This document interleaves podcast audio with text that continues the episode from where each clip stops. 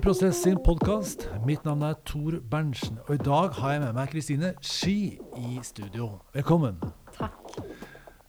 Du er tidligere daglig leder i det jeg vil kalle et regnskapsbyrå, men du liker ikke den betegnelsen. Hva, er, hva vil du si at det heter? Ja, regnskapsbyrå det har du jo mange litt sånne trauste assosiasjoner med. Og, og det og det er ikke økonomibransjen lenger. Så, så nei, View er et selskap som uh, leverer skybaserte systemer og forretningsprosesser innen regnskap, økonomi og IT. Så, Akkurat. Mm. Så det er, det er, litt mer det vi i gamle dager forbandt med et regnskapsbyrå. Ja, det stemmer. Ja. Mm. Dette er også en bransje hvor det skjer veldig mye, mm. vil jeg anta. Ja. Uh, jeg regner med at uh, noen av områdene blir automatisert og kanskje robotisert. Ja, det stemmer. Og så kanskje mer rådgivning etter hvert. og sånne ting. Mm, det stemmer. Du, kan ikke du si, og Jeg vet at du er over i en veldig spennende transformasjon. Ja. Du har vært daglig leder der, CEO, ja. og så skal du over i en ny spennende rolle. Men si litt om, uh, si litt om, om den arbeidssituasjonen du er i nå. da. Hvor er du igjen i landskapet? Skal du begynne, eller har du begynt? eller Hvordan er det med dette? Jeg er i ferd med å starte opp hos Evry i disse dager. Eh, som leder for eh, digital consulting i um, Financial Service Channels i, i Evry. Og Evry er jo et uh, stort, ledende nordisk IT-selskap uh, og prog programvareselskap. Uh, som er notert på Oslo Børs med, med 12,5 milliarder i omsetning og 9000 med medarbeidere i ni land.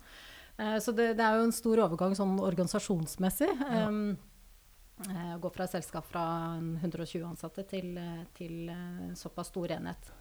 Hva var det viktigste? Jeg regner med at du har hatt en, si, en grundig vurdering av hva du skulle gjøre, hva neste trinn i din karriere skulle være. når man går fra et, si, et stort middels stort regnskapsbyrå, da. Du har litt lengre navn på det, men la oss holde for det enkle. Ja. og over til Every. Hva var hva, hva som var det viktigste argumentet for dette skiftet? Altså min drivkraft er å forstå markedet og folk og sammenheng, og jeg har alltid vært nysgjerrig på, på alle de mulighetene og endringene som, som, skjer i markedet, og ikke minst nå i den digitale skiftet vi er i. Eh, så for meg så var det viktig å, å jobbe i et selskap som uh, jobber fremtidsretta, og, og bidrar med verdiforslag innenfor mange bransjer. Jeg mm. syns jo det å jobbe med mange og komplekse um, markeder er uh, veldig spennende. Ja. Du har jobbet mye med endringsledelse. Jeg vet jo at du også har gjennomført mange endringer i din forrige uh, rolle. Uh, hva tenker du om endringsmodenhet? Vi har jo vår endringsmodenhet-indeks, som jeg vet at du har brukt litt. litt men for å gjennomføre endring må kulturen være med på laget. Eh, du, hva er dine tanker om endring og, og kulturutvikling, eh, slik som du har jobbet fram til nå? Eh, jeg kom til et selskap som var veldig verdidrevet. Vi hadde mye nedskrevne verdiord ja. og verdisetninger. og en ganske tydelig forankra verdi i selskapet. men vi hadde ingen verdiord. Og, og, og, Hvorfor er det viktig egentlig å ha sånne 1, 2, 3 verdiord? Um, jo, det, det, blir viktigere og viktigere jo større organisasjonen er. Okay. Når det er en liten, og dette var jo en organisasjon som uh, ja, hadde eksistert i ti år. Vokst jevnt og trutt. Og vi hadde kommet til et ansattnivå på Vi var rundt 70 ansatte den gangen for fire år siden. Nå er det 120. Ja. Uh, og uh, når man kommer til et sånt nivå på antall ansatte, og i tillegg med da flere lokasjoner, så er så, så, oppstår det en økt grad av um, subkulturer eller individuelle kulturer på de forskjellige stedene. Så det å jobbe med verdier når man blir større, uh, er viktigere og viktigere. Og verdier er jo valg, så med en gang man har godt forankra verdier i en organisasjon, så vil eh, ledere være bedre i stand til å fungere eh, godt i hverdagen og, og gå, de, gå, i den retningen da, ja. som organisasjonen ønsker. Så, så vi bestemte oss for å etablere verdiord. Eh, og det vi satt som kriterier, var at de skulle være lett å huske. Eh, og en av de tingene som gjør at det er lett å huske, er at det kan ha forbokstaver som danner et ord, etc. Ja. Eh, så vi gjorde en, en sånn så, så, når man skal gjøre verdiprosesser, så kan man jo enten velge en veldig bred forankring, altså involvere absolutt alle ansatte, eller man kan velge at ledergruppa beslutter uh, i et ledermøte, ja. hvilket jeg tenker ikke er å anbefale. Eller så kan man velge en, en mellomting. Um, Eh, vi var på et sånt uh, nivå at, uh, at, vi hadde ikke et stort sprik i verdigrunnlaget vårt. Så vi valgte en mellomting. Uh, vi hadde en utvida ledergruppe som, som kom sammen på en, en, strategisamling og hadde en prosess hvor vi samla oss rundt hva er det som var viktig for oss, kom opp med masse ideer og, og endte til slutt med fire ord som dannet ett ord, og, og dannet ordet nære. Og det var nyskapende, ærlig, rause og engasjerte. Ja. Um, ja. Noen, noen, selskaper velger å ha eh, noen verdiord som gjelder det den interne kulturen, og andre verdiord som gjelder mer omdømme, kunder. Mm. Hva, hva, tenkte dere rundt det? Nei, det, det, var, um, det, var, en ting som var veldig viktig for meg i inngangen. At vi valgte uh, verdiord som var like internt og eksternt. At vi hadde transparente verdier. Uh, det blir for schizofrent, tror jeg, i hverdagen å skulle ha forskjellige verdier ja. uh, internt og eksternt. Så det var veldig viktig for meg at dette skulle være transparente verdier. Ja. Jeg er også veldig tilhenger av det. for jeg, jeg tenker sånn at omdømmet ditt det kundene ser, skal helst være et speilbilde av kulturen. Mm. Så hvis vi mm. jobber med kulturen, og den ja. funker, så skal det er det som skal bli omdømmet ditt. Når du mm. har forskjell på det, så tenker jeg da er ja, det blir litt komplisert. da. Mm. Det er ikke sikkert at du får den effekten du ønsker. Det er altså krevende å jobbe med verdier, så få det ut på ja. mange lokasjoner, det er ikke mm. helt, det er ikke helt enkelt. Da. Det er ikke bare å sende en e-post. Sånn. Hva tenker du er um, Um, er du nysgjerrig på det? Hvordan vi forankra det? det ja, ja. Hva gjorde du for å få det til å bli liksom hverdag? Ja, Det er også interessant at du spør, og da tror jeg faktisk jeg har lyst til å fortelle litt om hvorfor vi valgte den fremgangsmåten vi gjorde. Fordi med til den historien så, så, hadde jeg med meg inn i mitt lederskap hadde jeg med meg ti års erfaring som leder i retail-bransjen. Ja en helt annen bransje, og, og noe andre både profiler og, og, kulturer. Og det gjorde at, jeg, at um, ved inngangen til denne prosessen så, så um, hadde jeg hatt en samtale med alle ansatte um, når jeg starta. Uh, noe som ga meg veldig sånn godt grunnlag i forhold til hvordan faktisk kulturen var. Uh, og, og, og, hvilken kompetanse vi hadde i bedriften. Og en av de tingene jeg hadde hatt fokus på da, var å, å få frem gode, uh, gode, innspill til strategiprosessene vi skulle gå i gang med. Um, uh, og jeg møtte jo masse fantastisk kompetente, imponerende nivå på alle ansatte. Um, men ideer til nye, nye ting, det, det kom ikke i så veldig stor grad spontant i disse samtalene. Uh, jeg hadde ikke forberedt dem på det, uh, og tenkte at uh, jeg ønsket at det liksom skulle komme fra levra. Ja, sånn, ja, ja, direkte der og da ved bordet. så i forkant av denne strategiprosessen så valgte jeg å heller sende ut en mail hvor jeg, hvor jeg ba de om to, eller hadde to spørsmål, og ba de om tre konkrete tilbakemeldinger. De skulle si noe vi var gode på i Viewledger, og skulle jobbe mer med eller fortsette med, bare forsterke. Og hva vi kunne bli bedre på å utvikle. Ja. vi var 70 ansatte da, og jeg fikk 30 svar tilbake. Høyt kvalifiserte med linker til hjemmesider og ideer og modeller osv. Veldig bra. Ja, helt fantastisk. Og, og, det ga meg jo en sånn umiddelbart er, erindring om at dette er uh, en kompetansebedrift med, som jobber strukturert og planmessig. Uh, og her må jeg forberede i mye større grad når jeg skal introdusere nye ting og implementere. Så det tok jeg også med meg når vi skulle jobbe med verdiarbeidet. For planen var at det skulle lanseres noen måneder etter i en sånn nasjonal samling. Da. Ja, okay. um, så i forkant av denne samlingen så, så jobbet hver av teamene med, med oppgaver rundt uh, verdiordene. Og vi jobbet da spesielt med de, hovedsakelig med de, de, verdiordene vi ønsket å forsterke. For det ligger jo ofte en ambisjon i verdiordene. Uh, for oss så var det engasjert og nyskapende. Ja. Uh, ja. Og det, det, med engasjementet er jo veldig kundeorientert. Uh, og nyskapende lå egentlig som en del av visjonen vår. Men det var kanskje det vi måtte virkelig jobbe, jobbe ekstra med ja. uh, fremover.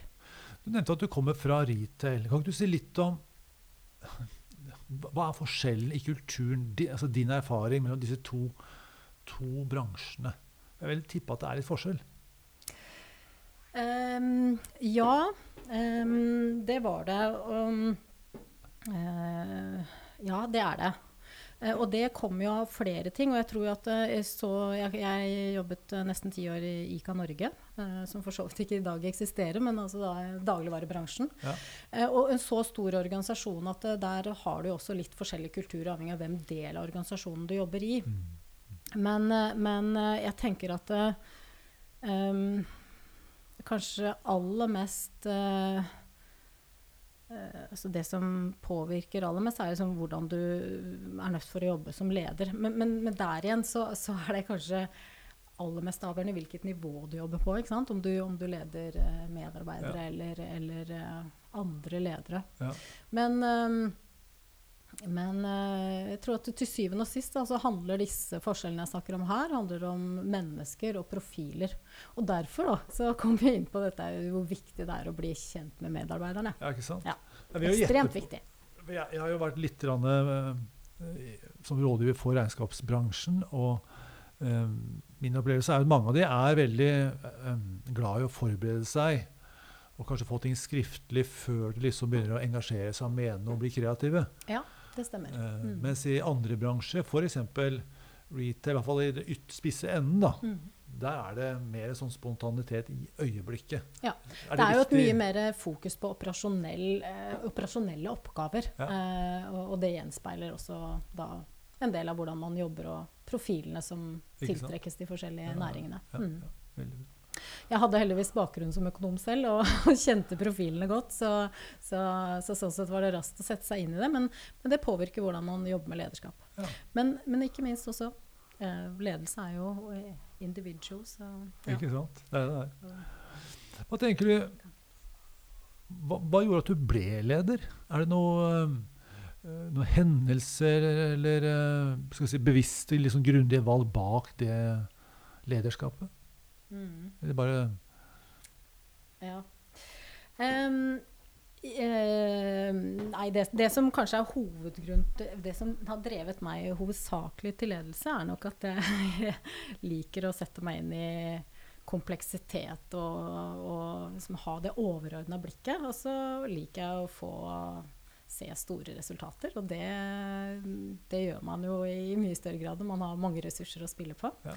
Eh, men jeg tror kanskje det som gir meg mest eh, som leder, det er møtet med mennesker. Ja. Eh, og min Ja, jeg har alltid vært glad i mennesker og veldig nysgjerrig på mennesker. nysgjerrig på hva som gjør at vi gjør som vi gjør, og, og hvordan ting henger sammen. Da. Ja. Jeg har inntrykk av at lederskap, eller fokus i lederskap sånn i samfunnet da, mm. går litt i trender. Mm. Altså I en fem- eller tiårsperiode så er det effektivisering, så er det standardisering, så er det kontinuerlig forbedring. Ja. Så det er sånne trender hele mm. tiden. Uh, hva tenker du er den største utfordringen for ledere i dag? Sånn, uh, hvilken trend er vi inne i nå? Altså, ja. Um, jeg tror det er uh, Fred, altså, uh, Først og fremst så tror jeg kanskje jeg vil si at når du snakker om ledelse og ledelse av mennesker, så tror jeg at det er flere likheter nå enn det er uh, flere likheter enn forskjeller i forhold til hva det var før. fordi til syvende og sist så handler det om å lede mennesker. Ja. Uh, har, det har vært mye diskusjoner rundt uh, hvordan er det å lede Melinias og nå da native digital-generasjonen som vokser opp. Uh, og jeg tror fortsatt at det er flere likheter enn ulikheter. Ja. Men det som er nytt, er jo at man er vant til en mye større deling, en mye mer åpen og transparent informasjonsflyt. Så jeg tror det påvirker informasjonsflytbehovet og, og forventningen til informasjon. Ja. Uh, og så er jo også denne generasjonen uh, i mye større grad opptatt av feedback. Både fordi man har fått det sånn type digitalt, og, og, men så tenker jeg at det også har vært et behov som alltid har vært der. Det mest ja. grunnleggende menneskelige behovet er jo det å bli sett. Ja, ja, det, det, har jeg for så vidt noen eksempler fra for lederskapet mitt, men, det, men det, vi, det er litt mer på det individuelle lederskapet. Når det gjelder Eh, på det mer overordna lederskapet, eh, det å drive strategi og, og posisjonering i markeder, så tror jeg det er en ganske store endringer som, som Eller økt krav til ledere i dag enn en for noen år siden. Eh, jeg tror at endringene altså Jeg tror at noe av de noen av de største utfordringene for de fleste organisasjoner i dag er å, nettopp å klare sjongleringen mellom ny og gammel forretningsplan. Endringene skjer så raskt nå, og jeg tror at det, eh, altså, det er velkjent at de som lever godt på dagens forretningsmodeller, eh, ikke blir vinner i morgen. Og, og da å, å vite og, um, klare å håndtere den sjongleringa mellom å eh, investere nok i innovasjon og nyutvikling, ja. eh, parallelt med å um, ha nok inntjening på rett for, uh, gammel forretningsmodell, er, er noe av sjongleringa. Um, og jeg er redd for at uh, for mange ikke gjør nok investering i forhold til det nye som kommer. Det er jo sånn at uh, 80% av all data i verden i dag er ikke strukturert. Og den dagen alt er koblet opp og transparent, så tror jeg det vil vokse ut helt nye tjenester, produkter og forretningsmodeller eh, som vil transformere ganske mange bransjer. Og det, Um, og det kan skje raskt. Ja. Det er ganske stort skifte i lederrollen tenker jeg, i det du sier, når man tenker på jeg vil påstå frem til i dag, ikke 100% men veldig stor grad av lederskapet har jo handlet om å unngå risiko. Ikke sant? Om å sørge for at vi tjener penger og ikke taper penger, og at man ikke gjør feil. Mm.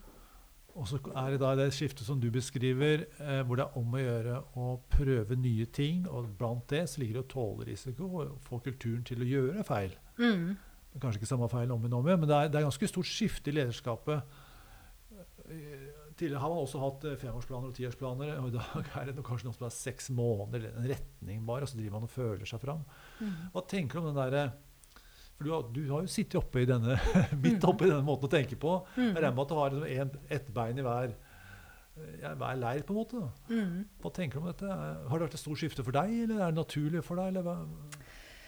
Um, ja, det har vært en, en um det har jo vært en utfordring å klare å balansere det korttidsfokuset som er i forhold til å skape tilstrekkelig lønnsomhet, ja. eh, og vekst i lønnsomhet, som det ofte er, eh, er, et krav om i de fleste organisasjoner. Og um, investere nok i det skiftet. Så ja, det er ikke noe tvil om at det tror jeg de fleste ledere føler på kroppen uh, i dag, ja. ja. Mm. En annen ting som jeg grubler litt på, er Mitt inntrykk da, er at veldig mange ledere, mennesker, ikke bare ledere, men ledere spesielt, har dårlig tid. Mm. Og med det så ligger jo i kortene det at det er en prioritering. Vi har mm. like mye tid nå som vi hadde for 1000 år siden. Det er mm. fortsatt 24 timer i døgnet, men, mm. men, vi har så mye å gjøre, fyller døgnet med så mye at vi sitter liksom og løper.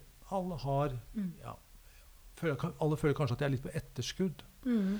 Men så nevner du med dette med nye forretningsmodeller, og da innbiller jeg meg da at for å kunne nærmest forutse fremtiden. Mm. Jeg liker bedre ordet 'skape fremtiden', men det er jo, det, er jo det ja. samme vi mener. Mm. Uh, Predikere det og ikke vente på det. Ja, ikke sant? Nemlig, det, er, det er stor mm. forskjell på det. Ja. Altså, særlig holdning. Ja. Men du må liksom kunne studere litt, analysere trender, gruble litt, liksom. Mm. Ha tid til det. Du kan ikke bare løpe fra møte til møte, og så plutselig så skjønner du alt sammen. Uh, ser du noen noe faresignaler her? For jeg lurer litt på om man må liksom roe ned litt for å catche det der eh, framtidsbildet. Ja. Det tror jeg du har rett i, Tor. Eh, og det har jeg også personlig følt på kroppen. Jeg må faktisk innrømme at jeg, jeg har jobba litt med en sånn uh, lederidentitetsmodell uh, som er mest en sånn eget verktøy. Og, og, og, det med arbeidsform er noe jeg har uh, jobba en del med. Og, og, det var noe jeg priori eller gjorde mye mer strukturert, uh, spesielt det siste året. Ja. Uh, å trekke seg tilbake. For jeg tror nettopp det er uh, uhyre viktig for, um, for ledere i dag. Og det, og, det, kan du også si at nok er et sånn skifte i det operative lederskapet.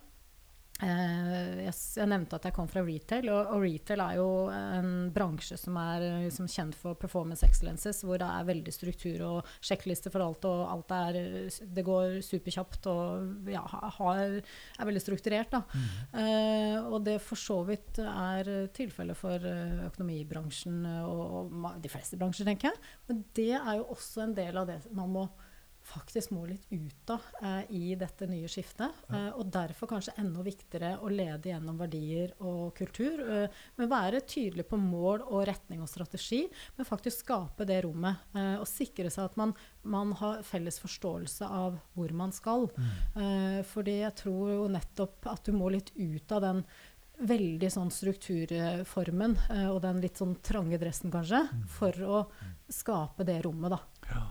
Der tror jeg du er inne på noe enormt viktig. Jeg tenker jeg? Hvis vi går litt langt tilbake i tid, da, så tenker på at hvor lang tid brukte eh, man på å utvikle en ny kultur i Telenor? Altså fra Televerket til Telenor. Mm. Jeg vet ikke, men Noen sier fem og noen sier ti år. ikke sant? Noen mm. sier at må, en generasjon måtte dø først. jeg vet ikke. Men, eh, så det er mange perspektiver på det. Men mm. i dag ja. så er vi nødt til å gjøre det fort. Ja, vi kan, vi kan ikke bruke fem ja. og ti år på å utvikle kulturen. ja, ja. det, liksom, det, første som dukker opp litt i meg, er liksom, hva, er, hva er kultur? For meg så handler bedriftskultur Det starter med struktur. Og da kommer vi jo inn på det, kanskje den stramme dressen også. Men, men, men, jeg tror jo også det å tenke kreativt kan, kan struktureres i en eller annen form. fordi kultur blir jo til i det man gjentar noe. Uh, og hvis man f.eks. ønsker en innovasjonskultur eller nyskapenhet osv. Så, videre, så det å implementere det i kommunikasjon, i alt man, man gjør, skal kanskje skape arenaer for ting. Så, så ja, nå tok jeg meg for så vidt litt i den med strukturdelen. Altså, ja, men det er en veldig god beskrivelse. Altså, kultur skapes i det man gjentar noe. Ja. En veldig bra bild for Den generelle definisjonen på kultur er jo at det er alt vi sier, alt vi gjør. Mm. Men det er jo for komplisert. Men det er, ja. det, vi, det, er det vi gjentar spesielt, ja. Mm. Det er riktig. Ja. Og derfor så uh, har jeg valgt å si at bedriftskultur uh, starter med struktur. Ja. Fordi som leder så, så, sitter du med mulighet til å kunne etablere uh, rutiner og, og, formater, selvfølgelig sammen med organisasjonene. Og, og det, er, det, er, gjerne da kulturen starter. Ja. Men den trange dressen du nevnte, som kultur, eksempel på kultur da, Man kan jo ha en struktur som er variert og raus. Mm. Man kan jo det. Ja. Ikke dette være en trang dress. jeg tror jo at man er nødt altså at uh, vi mennesker trenger uh, stru, strukturer og, og, og um, ja, retninger å forholde oss til. Spørsmålet er bare at man lager de vinduene vide nok til at man har, har det arme, ja, armslaget man trenger, da. Ja, mm. Sånn at man får såpass mye handlingsrom at man at man ikke forventer at framtida er en kopi av fortida, mm. men er åpen for at framtida den, den, skal vi skape sammen. Mm. Mm. Uh, og det, det, er kanskje ganske krevende for oss. Vi har nok mm. lyst til å ha den gjentakelsen, men nei, mm. så mye skal vi ikke mm. gjenta oss. Må mer fornyelse enn det. Ja. Og når du var inne på dette, hvordan skape da, da den type endring. En av de tingene vi jobba sånn målretta med, var å, å, skape en enda mer kundeorientert uh, bedriftskultur i, i View. Og og det gjorde vi jo nettopp gjennom strukturer. Veldig sånn strukturerte strukturer på hvordan vi gjorde kundeoppfølging. Uh, og mer kundekontakt skaper mer, kunde, mer, fornøyde kunder og gir mer business osv. Ja. Som igjen resulterte at vi, at vi solgte mer rådgivende tjenester, som, som, i hvert fall er en del av den viktige inntjeningsskiftet i bransjen. I hvert fall i den mellomperioden vi er i nå, før det digitale slår en ytterligere. Da. Uh, og da jobbet jo vi veldig strukturert, uh, både med trening og, og hvordan, hvordan liksom treffpunktene mot kunden skulle være. Og, og, og, i kommunikasjon og alt. Så det å liksom skape veldig struktur på hvordan kundetilnærming og kundeoppfølging skal være, eh, var liksom, det var egentlig grunnfjellet for, for, å etablere en mer kundeorientert kultur. Ja, akkurat. La oss ha et case. Jeg er veldig glad i dette spørsmålet her. La oss si at du det er på jobb i View, da, siden det er den forrige jobben. Vi kan ikke ta nye der. veldig for kort tid. Der går du forbi to personer som ikke ser at du er der. Og Den ene er helt ny, den andre har vært der en stund og kjenner deg veldig godt. Mm. Og den nye spør liksom du, 'Hvordan er Kristine som leder?' Hva svarer den som kjenner deg godt da? Liksom bare sånn enkelt og ukomplisert svar. ja. jo, hun ja. er da Jeg lyst til å spørre om det er en medarbeider eller en som rapporterer til meg. For det kan påvirke litt hva man ja. sier, kanskje. Du er kan en medarbeider? Ja, ta velg, du. Ja. Hvis det er en medarbeider, så tror jeg eh, de vil si at jeg er involverende, engasjert og kommunikativ. Altså noe ja. i den retningen. Ja. Uh, til stede. Um, ja. Uh, ja. Hvis det er en av mine nærmeste ledere, så tror jeg de, si at, de vil si at jeg er tydelig på forventninger og um, gir godt arbeidsrom. Uh, eh, innenfor de rammene de har ansvar for. Men, Ja. ja. Mm. Akkurat.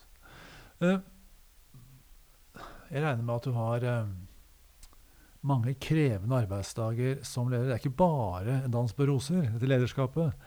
Uh, hva motiverer deg til å være leder? Liksom, hvor finner du inspirasjon? Ehm, jeg finner jo inspirasjon eh, egentlig mange steder. Sånn i det daglige i utøvende leder, så Der jeg henter mest energi, det er jo ute i marka, hvis man kan kalle det. Ja. Ute og møte medarbeidere, eh, og ute i kundemøter. Ja. Um, Ja, ute i marka, da mener du ikke i skogen, Ja, du mener nei, i virksomheten? ja, da mener jeg virksomheten. Ja, ikke sant? Der du altså. treffer folka som Ja. skaper resultater. Ja. Uh, og det som kanskje gleder meg mest i lederskapet, er jo å se medarbeidere og, og ledere lykkes. Ja. Uh, jeg sier jo at en av mine drivkrefter er å få, få medarbeidere og ledere til å skinne. Og det, ja, det gir meg mye. Men uh, du tenker kanskje også på hvor jeg henter inspirasjon til lederskap Ja, det også, etc. absolutt. Mm. Det gjør jeg mye fra alt fra podkaster, lese blogger, eh, følge med på trender. Ja. Økende grad eh, nettverksjobbing. eh, og ikke minst de siste årene har jeg brukt en del mer tid på det. Både i, egentlig, jeg er både med i, i to organiserte nettverk. Um, Uh, og, og da ikke hos noen av disse store aktørene innenfor nettverksbygging, men mer i litt annen type fora. Og så har jeg så er jeg blitt eh, mye flinkere til å spørre meg til råds, bruke mentoring og, og mm, det nettverket rundt meg. Ja. Mhm. Bra. Jeg tror det er ekstremt viktig at ledere sørger for helt til å være i utvikling. Mm. Og veldig mange ledere eh, sier at, de- at de får sånn on the job training, på en måte at de ut, utvikler seg i jobb-på-jobb-sammenheng. Og det er selvfølgelig det er veldig bra, for da har de jo satt i gang prosessene. Men jeg tenker at, um, som du nevner, da, at i tillegg til det, så er det viktig å ha en annen inspirasjon også. For hvis ikke så kan det hende at du alltid er litt for seint ute. Eller du er på akkurat samme nivå som bedriften er. ikke sant? Ja. Så må finne noen ekstra inspirasjonskilder som gjør at du kanskje kan ligge litt foran Ja. av og til. Og det hører jeg at du har, du har noen strategier for det. Mm. Det er jo mange muligheter. Jeg er bare nysgjerrig på liksom verdiene og hvordan du tenker bak valg av muligheter. Hvis du har to like store muligheter Det er litt vanskelig å se for seg, kanskje, for det vil alltid være noen forskjeller. Men hvis jeg, hvis jeg gir deg to ulike valg, da, eller mulighetsbilder, er det noe spesielt du ser etter før du tenker at jeg velger A istedenfor B? Eller er det sånne ting som det? Sånn, eh, hvis det presenteres noenlunde likt Um, tenker du personlig, eller uh, Tenker som på leder, på vegne av bedriften. Du skal, vi skal satse på dette Mhm. prosjektet eller det Ja. prosjektet. Ja, nei, altså, det første er jo om det er i tråd med visjonen, Ja. og hvor man skal. Akkurat. Fordi man må jo av og til si nei til noe for, fordi det ikke passer inn i Prioritering er jo kanskje noe av det viktigste for å oppnå resultater. Ja. Mm. akkurat. Så hvis det er i tråd med visjonen, du har som den røde tråden der veldig tydelig for deg Mm. Dette er tråd Nå tar vi det. Dette er ikke det. Dette er litt Mm. på siden. Da Mm. velger vi det bort. Mm. Uh, hva er det største, eller viktigste kanskje? Jeg foretrekker det viktigste. Hva er den viktigste endringen for deg som du har vært med på, og hvorfor var den viktig? Så, eh, er det noen endringer som liksom har tenker at ja, det, denne var stor eller krevende eller, eller viktig for deg? Da? Vet du, jeg tenker veldig sjelden på ting eh, som endringer, fordi at jeg tenker utvikling er en del av både livet og næringslivet hele tiden. Så for meg så er ordet en, endring ikke noe jeg så ofte bruker, faktisk. Mm. Så når du, når du stiller meg det spørsmålet, så blir jeg eh, litt sånn OK, ja, jeg har nok vært med på ganske mange endringer opp igjennom eh, mitt liv i, i, både som leder og, og i næringslivet. Eh, og syns kanskje det er vanskelig å utpeke en enkel hendelse, men, men en del av de store endringene man er med tidlig som leder, f.eks., gir en mye sånn verktøykasser i, i, i lederverktøykassa. Ja, ja, ja, ja. Eh, så vet ikke om det kan være Om jeg da eh, kan ta det helt tilbake til eh, meg som ny, ny som leder i retail. Hvor jeg skulle lede, lede butikkportefølje med markedsføring, salg og medarbeidere og, og ganske stor organisasjon. Uh, hvor vi bl.a. jobba med, med, det som kalles performance excellences, eller klar til drift, som vi kalte det. hvor, hvor uh, vi strammet opp driften ganske betydelig. Ja. Og noen vil kanskje si at resten ble litt stram. Uh, så tror jeg at vi klarte å balansere det likevel. Men, men det var en enorm endring. Og ikke minst påvirka det veldig altså Om vi lykkes med det eller ikke, var veldig avhengig av hvordan vi kommuniserte som ledere. Mm. Eh, og det ga meg masse input til hvordan jeg har drevet lederskapet mitt uh, videre. Uh, ja. ja. Mm. Og, og en, en, veldig sånn åpenbaring at folk gjør ikke ting før de ser what's in it for me. Nei. Så det der å sette seg godt inn i hva er det som, er det som motiverer hver enkelt leder og medarbeider, og hvordan jobber jeg med budskap og får innsalg og forankring. Da. Ja. Mm. Høres ut som en endring som kanskje formet lederskapet ditt litt. Mm. Ja. Det gjorde det. Det er interessant det du sier, at du ikke tenker på ledelse som endringsledelse, men det er mer naturlig for deg. Der tenker jeg det er litt forskjellige typer ledere. da. At eh, Noen ledere har jo vært mer sånn driftsledere og gjort, gjort forbedringer. Jeg har aldri hørt en leder i noen gang som ikke jobber med utvikling eller forbedring. Eh, men noen er mer driftsorienterte og gjør liksom små skritt, eh, hvor framtida er en slags kopi av fortida. En forbedret utgave av fortida. Mm. Men så har du andre ledere som er opptatt av at framtida skal være noe annet enn fortida. I hvert fall en vesentlig forskjell. da. Mm. Uh, Gjetter jeg riktig hvis du er i den siste kategorien? At du mer vil skape de forskjellene? Ja, uh, men kanskje ikke så konkret. Jeg vil heller si at jeg er markedsorientert. Ja. Fordi uh, man, hvilke skritt man tar, som jeg da ikke kaller endring, men hvilke skritt vi tar, ja, ja, avhengig av hvordan markedet går. og så kan man jo drømme om å være i den situasjonen som du, som du nevnte i stad, i forhold til å predikere fortiden og ikke, ikke drivelsen. For det er klart du kan skape den, den, det mulighetsrommet for det markedet òg. Men, men, generelt, altså, markedsorientering er det som driver skrittene jeg tenker er viktig i lederskapet. Ja, godt. Du, Vikingene de mente at et godt ettermæle var det viktigste av alt. Uh, man skulle utføre minneverdige bedrifter i løpet av karrieren. Uh, hvis du kan late som at du er viking en liten stund ja. Hvilke minneverdige bedrifter eller ettermæle vil du skal følge av ditt lederskap? Tanker om det? Nei, da håper jeg at uh, jeg vil beskrives som en som fikk ting til å skje. Uh, og fikk medarbeidere til å skinne. Da sier jeg tusen takk for samtalen. Takk.